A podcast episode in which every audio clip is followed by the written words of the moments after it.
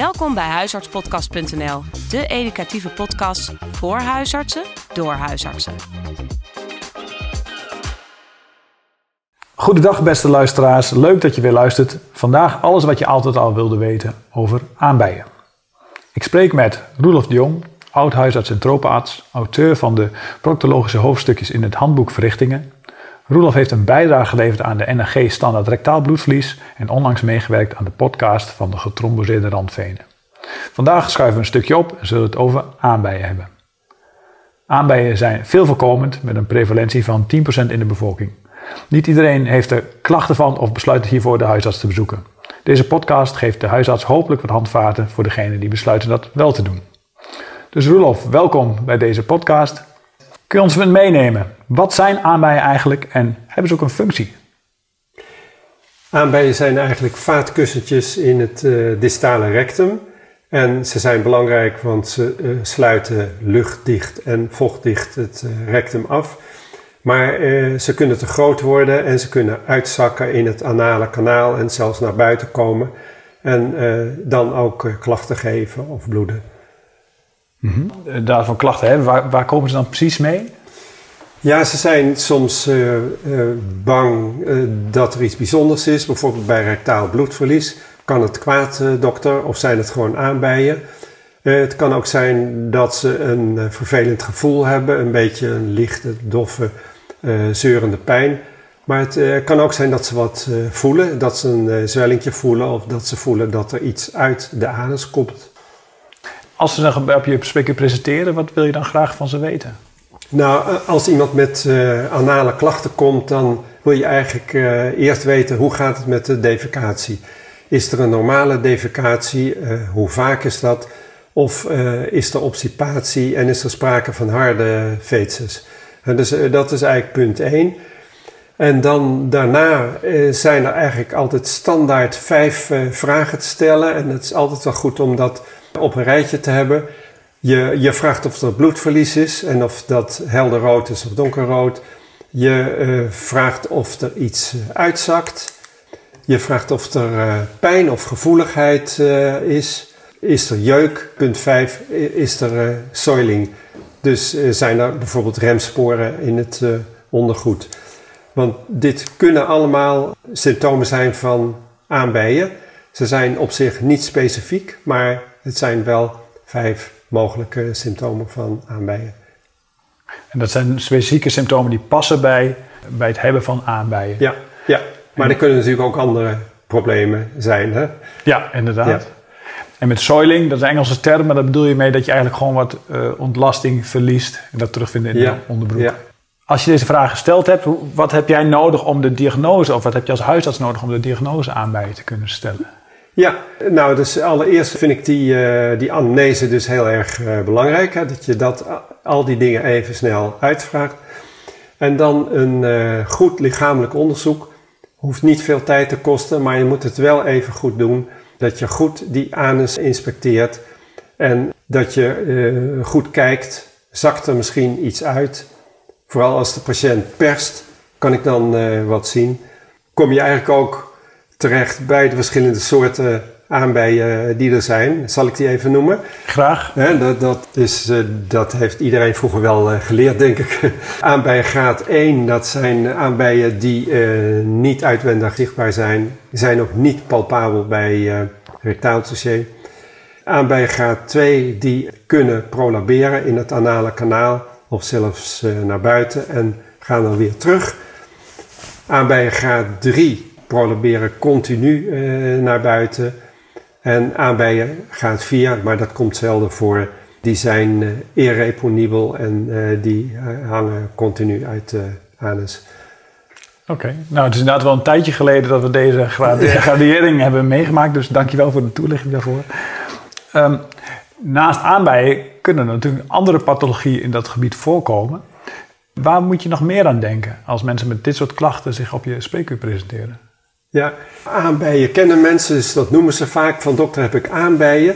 Maar uh, heel vaak hebben mensen een uh, fissuur. Ja, dan zal je dus goed moeten kijken, want de behandeling van een fissuur is uh, anders dan de behandeling van aanbijen. Verder kan het zijn dat er gewoon sprake is van een mariske. Dus een mariske is een huidflapje aan de rand van de anus, onschuldig dingetje.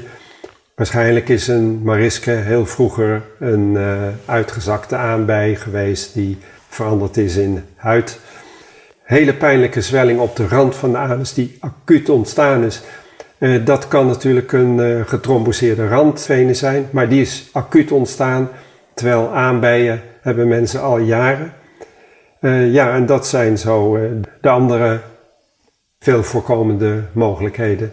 En met name bij fissuur en een getromboseerde randveen zou je verwachten dat ook met name de pijn ook voorop staat, toch? Ja, zeker. Ja. Veel meer dan bij aanbijen. Aanbijen zijn niet, niet erg pijnlijk, nee. En zou je bij het lichamelijk onderzoek, hoe zou je het verschil kunnen maken? Dus een, uh, voor een fissuur moet je echt goed kijken naar de rand van de anus. Dat zijn hele kleine scheurtjes. Daar moet je goed voor gaan zitten. Nou, komen we straks nog wel even op, denk ik. Kun je ook echt het pijnpunt aanwijzen, bijvoorbeeld met een wattenstokje. Voor de aanbij uh, moet je goed kijken wat er gebeurt als de patiënt perst. En dan kijken of het opzwelt. Dan kun je dus een uh, aanbij graad 2 kun je zien, tevoorschijn zien komen. Ja, dus daarmee kun je goed het onderscheid maken tussen de verschillende aandoeningen. Ja, ja. alleen voor uh, graad 1 aanbij, ja, daar, daar heb je de proctoscoop voor nodig. Ja. Uh, die uh, zijn uh, alleen met proctoscopie te zien. Ja. ja, en anders stel je die diagnose meer op de anamnese dan op het lichamelijk onderzoek. Ja. ja. Bij het lichamelijk onderzoek zijn we ook altijd op zoek naar rode vlaggen, dus dingen die andere oorzaken die we niet willen missen. Ja. Wat zijn volgens jou rode vlaggen bij anamnese en lichamelijk onderzoek? Ja, nou, punt 1 is natuurlijk altijd het rectale bloedverlies. Hè. Daarmee moet je uitkijken. Het is ook belangrijk dat je vraagt naar risicofactoren voor colorectaal carcinoom. Sowieso is een risicofactor een patiënt die ouder is dan 50 jaar. Maar eh, andere risicofactoren zijn dat het veel in de familie voorkomt of dat er nog andere klachten zijn natuurlijk die op een tumor wijzen, zoals uh, buikklachten of vermagering of een laag HB. Ja. Helder, dat is altijd goed om dat soort zaken niet te missen. Wanneer zou je nou zeggen dat aanbijen onvoldoende verklaren zijn voor rectaal bloedverlies? Is dat bij één van deze factoren? Ik heb daar de standaard op nagekeken en daar vond ik het eigenlijk niet zo helder staan. Er wordt wel gedoemd, denk daaraan. Maar in de praktijk zie ik heel vaak, heb ik iemand met rectaal bloedverlies, waarbij ik aanbijen een waarschijnlijke verklaring vind. Wat zou voor jou nou een reden zijn om te zeggen, nou ja, Daarmee, daarmee kun je nog niet zeggen, daarmee heb je je diagnose rond en kun je daar een behandeling op instellen, maar zou ik toch verder kijken? Ja, nou, het is eigenlijk niet zo moeilijk, want sowieso boven de 50 jaar moet je natuurlijk voorzichtiger zijn. Maar uh, verder kan je natuurlijk toch door uh, middel van uitvragen kun je kijken of er andere risicofactoren zijn. en aan de andere kant, als het een, een, een jongere patiënt betreft van 40 jaar, en uh, er zijn geen uh, risicofactoren, ja, dan ligt het voor de hand dat je gewoon, en, en, het gaat om helder rood bloedverlies, hè, want dat is natuurlijk ook even een punt. Uh, dan ligt het natuurlijk voor de hand dat je gaat kijken van ja, waar komt het bloed vandaan? Of je neemt voorlopig even aan dat het van aan bij je komt en je gaat die behandelen en dan kijken of het overgaat. En als het dan klaar is, dan, ja, dan is er verder geen coloscopie nodig. Ja, dus altijd even wat verder kijken. Ook, uh, zeker als er risicofactoren zijn, uh, zoals de aard van het bloedverlies, waar het zit, of het door de, uh, een van de dingen die in de standaard stond ook, of het door de ontlasting vermengd zit, dan, heb, dan dat is ook een soort van rode vlag. Ja. Loze aandrang werd genoemd, afwijkend bij lichamelijk onderzoek, bij gewichtsverlies of bij een familieanamnese. Er zijn een aantal risicofactoren die we na moeten gaan. En als je dat hebt met rectaal bloed, bloedverlies, zou je op zijn minst de patiënt op korte termijn terug willen zien om zeker te weten dat jouw diagnose niet een aanbij is en niet, dat je niet een andere diagnose mist. Ja, ja precies. En misschien toch nog even noemen die uh, proctitis en die uh, SOA. Mm-hmm. bij, bij proctitis heb je dus uh, ja, loze aandrang en het verlies van bloed en slijm. Dus dan is het zeker ook nodig om proctoscopie te doen. Ja. En een SOA kan natuurlijk ook dit soort klachten geven. Heb je nog tips voor het doen van lichamelijk onderzoek? Er zit altijd een bepaalde gêne bij, bij zowel de patiënt als de dokter. En dat is niet rationeel, maar het is wel hoe de werkelijkheid is. Heb je nog tips om het comfortabel te maken voor beiden? Ja, nou, eh, een ontspannen benadering denk ik. De zaken gewoon maar bij hun naam eh, noemen. Een tip bij het lichamelijk onderzoek is om echt goed te kijken naar die rand van de anus. Dat bereik je door de patiënt in zijligging op de onderzoekbank te laten liggen met opgetrokken knieën. Uh, bovendien wil de patiënt altijd graag zelf helpen door zijn bovenste bil op te tillen, waardoor je een veel beter zichtveld krijgt. En dan ga je zelf op een lage kruk zitten en je laat het licht van de onderzoeklamp echt horizontaal op de anus schijnen. En dan heb je echt een heel goed beeld op die anus. En dan kan je echt goed kijken, spreiden met je vingers.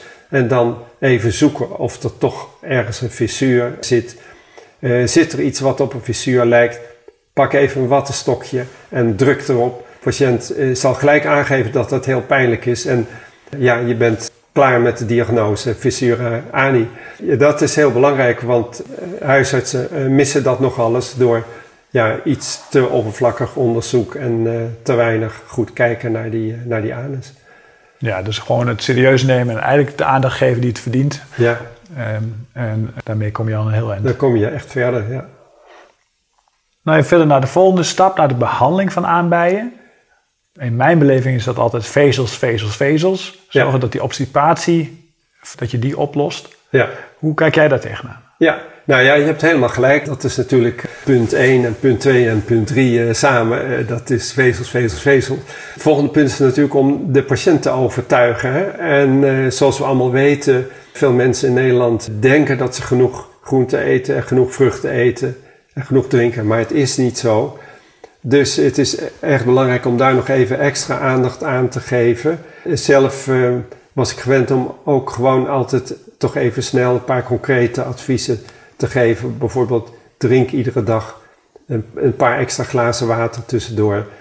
Ga eens drie vruchten per dag eten en hou dat bij op een lijstje. En zorg dat je dat een aantal weken echt goed volhoudt. En kijk dan eens hoe die ontlasting uh, verandert en hoe je van je obstipatie afkomt. Dan geef je mensen een advies waar, waar ze dan over een paar weken mogelijk profijt van hebben. Dat is altijd lastiger uitleggen dan de, de korte klap. Dus dat iets wat nu helpt. Er zijn wel een aantal zalven beschreven die Ja. je kunt aanbrengen. Ja, In mijn indruk heb ik altijd het idee dat het een beetje pap en nat houden is. Ik- Tuurlijk, ook ook ja. omdat ik eigenlijk niet inhoudelijk begrijp wat die zalven dan precies doen. nee. Hoe, Nee. hoe, hoe kijk jij daarnaar? Nee, natuurlijk. eh, je hebt gelijk. eh, Zalven kunnen tijdelijk wat verlichting eh, geven. Kan irritatie wat verminderen. Maar dat is ook alles. Ja. Ja. Teruglezen in de NAG-standaard wordt daar ook wel gezegd dat er eigenlijk niet goed onderzoek is om het op te lossen, maar vooral bedoeld zijn om klachtenverlichting Ja. te geven. Ja, klopt. Als het toch niet met de ingestelde beleid je toch niet verder komt, de patiënt komt terug, blijft klachten houden. Heb, je hebt geen zorg op dat moment over een, over een rode vlag of een ernstige pathologie, maar mensen hebben wel een vervelende klacht van de aanbijen. Wanneer zou je dan naar de tweede lijn verwijzen en wat zijn de mogelijkheden die ze daar kunnen doen? Ja. Nou, het meest voor de hand ligt bandligatuur.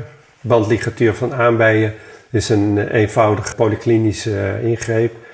En eh, wordt dus gedaan door belangstellende chirurgen of door huisartsen die zich hierin gespecialiseerd hebben. Het is goed om altijd even in je eigen regio te kijken naar welke proctologisch belangstellende dokter kan ik patiënten verwijzen hiervoor. Kun je kort Ja. even uitleggen eh, wat bandligatuur is, wat het doet? Dus eh, bandlig- met een bandligatuur worden er eh, kleine elastiekjes geschoten, gelegd om hemorroïden heen. Eigenlijk om net iets boven de plek waar hemorroïden ontstaan, in het distale rectum. En daardoor krijg je retractie van het uitzakkende zwellichaam. En je krijgt wat littekenvorming en daardoor ook extra retractie. En eh, daardoor trekken die aanbijen zich eigenlijk terug op de plek waar ze horen, namelijk het eh, distale rectum. Oh, Oké, want ik had het begrepen dat ik dacht dat de aanbijen zelf dat daar een bandje omheen werd gelegd, maar dat is eigenlijk niet Ja. zo. Het is Nee, steeds eigenlijk is het dus eh, net aan de basis van de aanbij of daar net iets boven. Dat is ook wel belangrijk, want als je te laag elastiekjes zou uh, schieten en ze komen bijvoorbeeld terecht in het anale kanaal, dan uh, is dat extreem pijnlijk, hè, want daar is een hoge pijngevoeligheid. Maar in het distale rectum voel je ze eigenlijk veel minder. Ja, interessant. Ja. Want dat is, het is op zich wel, daar moet je patiënt ook wel voor waarschuwen. De ingreep zelf is niet zo pijnlijk, maar ze kunnen in 1, 2, 3 dagen daarna kunnen ze wel uh, wat pijn uh, ervaren thuis van die elastiekjes. Ja. Dat geeft een knellend, een drukkend gevoel. En ik begrijp dat er wel vaak een tijdelijke oplossing is, maar dat de helft van de patiënten na twee jaar toch opnieuw weer klachten krijgt. Dat kan wel, ja. Ja, hangt er natuurlijk vanaf hoe, hoe vaak er bandligatuur is gedaan en hoeveel elastiekjes er zijn uh, geschoten. Ja. Zijn er nog andere methodes die ze in de anderhalf of in de tweede lijn toepassen? Ja, maar veel minder frequent. Heb je zelf nog de indruk dat wij als huisartsen dingen laten liggen waar je zegt, nou dat is eigenlijk jammer, want met iets meer kennis of iets meer know-how had dat prima in de huisartspraktijk opgelost kunnen worden? Ja, dan, dan heb ik zeker nog wel één uh, belangrijke tip. Het komt eigenlijk vaak voor dat anale fissuren niet worden ontdekt. De patiënt noemt al snel iets aanbijklachten en de dokter uh, misschien ook. Maar als je dan goed kijkt, dan uh, blijkt het probleem toch te zijn anale fissuur. Uh, dus door even goed uit te vragen, te vragen naar scherpe pijn bij defecatie en even goed te kijken bij dat lichamelijk onderzoek, is het eigenlijk helemaal niet moeilijk om die fissuur ook te zien en de diagnose correct te stellen. Ja, en daarvan begrijp ik dat waar, waar we wat kritischer waren op de zalven die we kunnen geven bij aanbijen, dat dat bij een anale fissuur wel wat beter, uh, ja. wat effectiever is. Ja, precies. daar kun je de DLTSM uh, crème uh, kun je heel goed gebruiken. Ja. ja. Vind je zelf nog dat proctoscopie een onderbelicht item is in de huisartsenpraktijk? Ik zat zelf hierover voorbereid te denken dat we natuurlijk voor gynaecologisch onderzoek ook een vrij invasief onderzoek doen. Daar niet over nadenken, maar dan een stukje verderop het eigenlijk niet of nauwelijks doen. Hoe kijk jij daarnaar? Ja, nou, het proctoscoop het is een eenvoudig uh, instrument. Het is eigenlijk uh, minstens even makkelijk om een proctoscoop in te brengen uh, als dat je een speek inbrengt voor vaginaal onderzoek. Dus het zal niet zo vaak voorkomen dat proctoscopie echt uh, nodig is, maar om die eerste graads aanbijen te zien in de huisartspraktijk is die toch wel erg handig. En dat kan snel even gedaan worden tijdens het normale spreekuur zonder voorbereiding. Dus ter overweging voor een enthousiaste huisarts die daar meer van wil weten. Ja, ja. en het staat precies uh, beschreven in het handboek. Als ik even mag samenvatten, dan denk ik dat we kunnen concluderen dat aanbij een veel voorkomende diagnose is. Van belang daarbij is als je als huisarts ziet dat je naar de vijf dingen in de anamnese vraagt. Of er bloedverlies is, of er pijn is, of er jeuk is, of het uitzakt, of je het voelt in het anale kanaal. En of er sprake is van soiling, dus dat je ontlasting verliest. Dat zijn de belangrijkste die je nodig hebt om diagnose te stellen. Daarnaast vraag je naar risicofactoren en dat je daar goed op handelt. Als je een diagnose aan bij je gesteld hebt door goed lichamelijk onderzoek te doen, neem die ruimte voor die patiënt, eh, neem, uh, kijk goed. Dan is het eigenlijk met name van belang om defecatie goed te krijgen. Ja. Met name vezels, vezels, vezels. En de zalfjes die kun je gebruiken, maar de toegevoegde waarde van is beperkt. Als je daar niet uitkomt, dan is er altijd een tweede lijn of een anderhalve lijn waarbij eventueel met bandligatie uh, ook een langdurigere oplossing gevonden kan worden voor het verlossen van ja. aanbijen. Ja.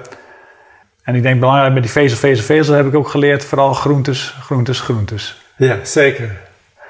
Heb ik hier nog iets in gemist? Nee, nee. Ik had misschien nog even willen noemen dat mensen geen vochtige toiletdoekjes moeten gebruiken. Ah. Beruchte oorzaak van uh, irritatie rond uh, de anus. Ja. Dus dat is dan misschien nog even een slotopmerking. Dat is even een slotopmerking. Als we dat dan ook nog eens niet doen, ja. uh, daar krijg je geen aanbij van, denk ik, maar wel uh, andere irritaties. Ja. Nou, dan wil ik je hartelijk danken voor dit interview. Dit was een podcast over aanbijen. Doe er je voordeel mee. Met dank aan Roelof de Jong. Mijn naam is Marco Krukerink en tot de volgende keer. Bedankt voor het luisteren. Bekijk ook onze website op huisartspodcast.nl. Voor vragen of suggesties kun je mailen naar huisartspodcast.gmail.com. Tot de volgende keer!